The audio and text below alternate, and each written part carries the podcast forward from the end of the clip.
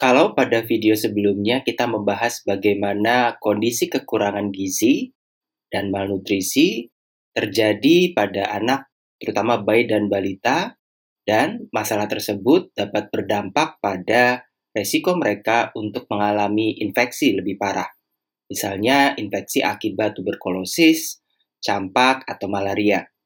Sekarang kita akan mempelajari bagaimana infeksi dapat berdampak pada penurunan status gizi. Infeksi yang terjadi pada tubuh seseorang dapat berdampak pada metabolisme tubuhnya.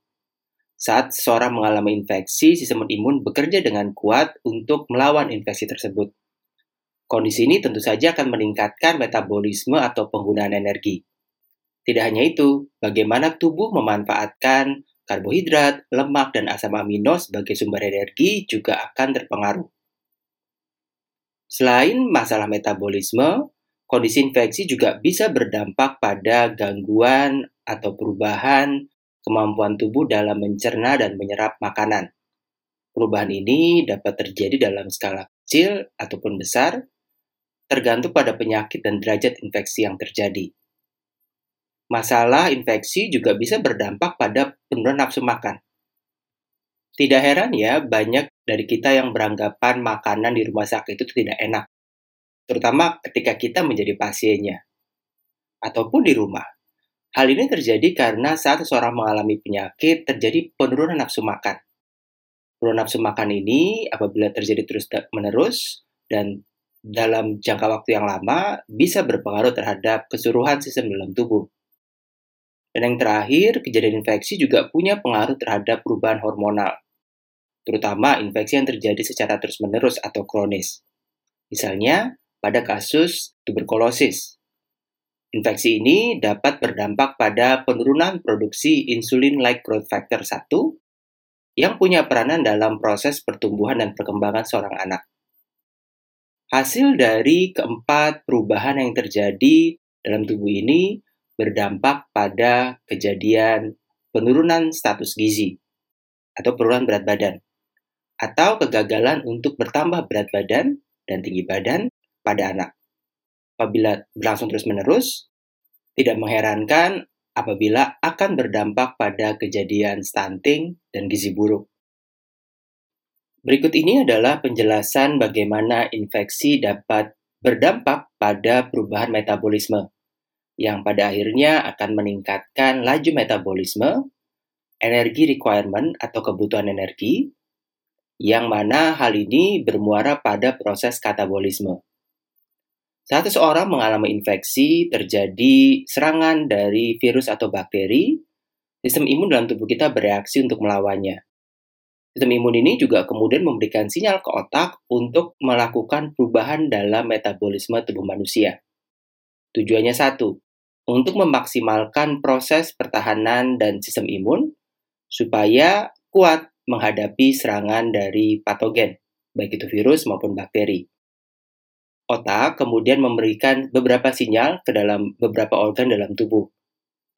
Otak memerintahkan kelenjar adrenal untuk melepaskan kortisol.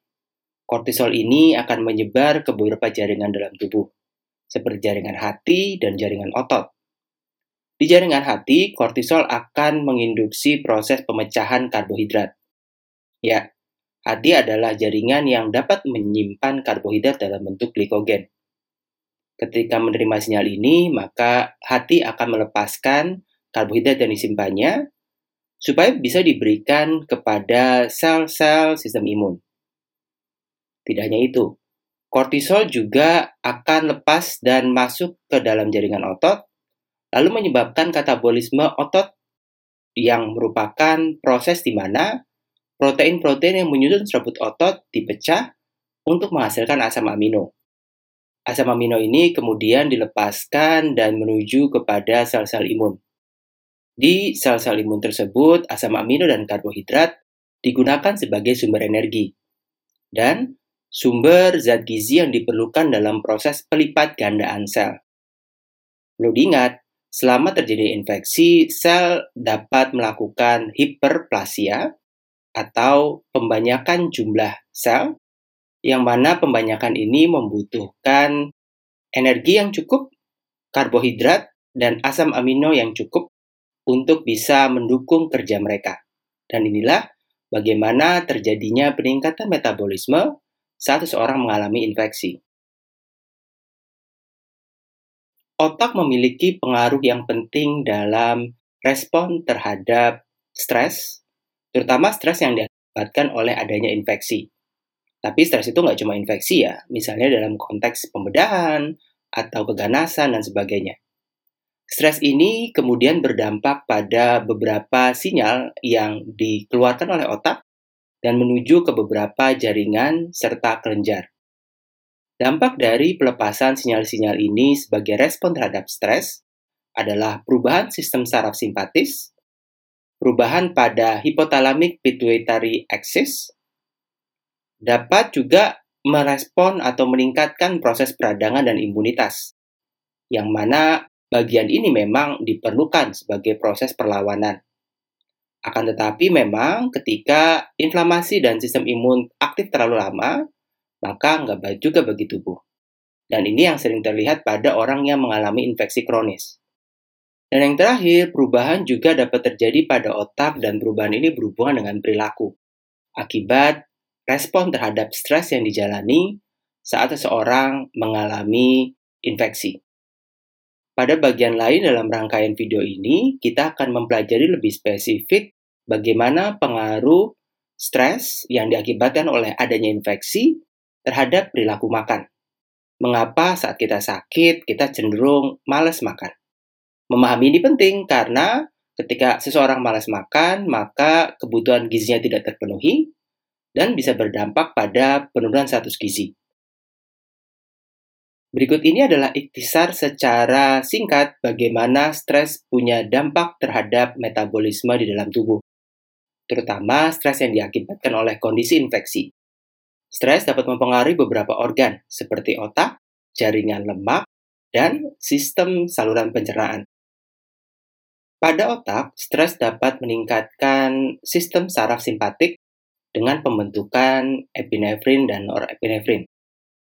Pembentukan ini juga punya dampak terhadap sistem imun. Di otak juga ternyata mampu mempengaruhi proses pembentukan sitokin, dan inflamasi yang dilepaskan oleh sel-sel sistem imun. Selain itu, jaringan lemak dapat meningkatkan produksi adipokin sebagai respon terhadap stres. Lalu, untuk saluran pencernaan, saluran usus atau saluran pencernaan juga dapat melepaskan beberapa hormon dan peptida yang punya dampak sistemik. Otak dapat melepaskan sistem saraf simpatik serta juga mempengaruhi sitokin dan inflamasi. Yang keduanya punya pengaruh terhadap kondisi katabolisme atau pemecahan zat gizi untuk menjadi molekul yang sederhana. Dan seperti yang tadi dibahas, proses ini bertujuan untuk mengoptimalkan proses perlawanan terhadap infeksi karena sistem imun memerlukan begitu banyak zat gizi dan energi untuk bertarung. Inflamasi juga punya dampak terhadap resistensi terhadap anabolisme atau pembentukan jaringan baru. Proses ini juga kemudian dipengaruhi oleh adipokin yang lepas dari jaringan lemak serta peptida dan hormonal yang keluar dari saluran pencernaan.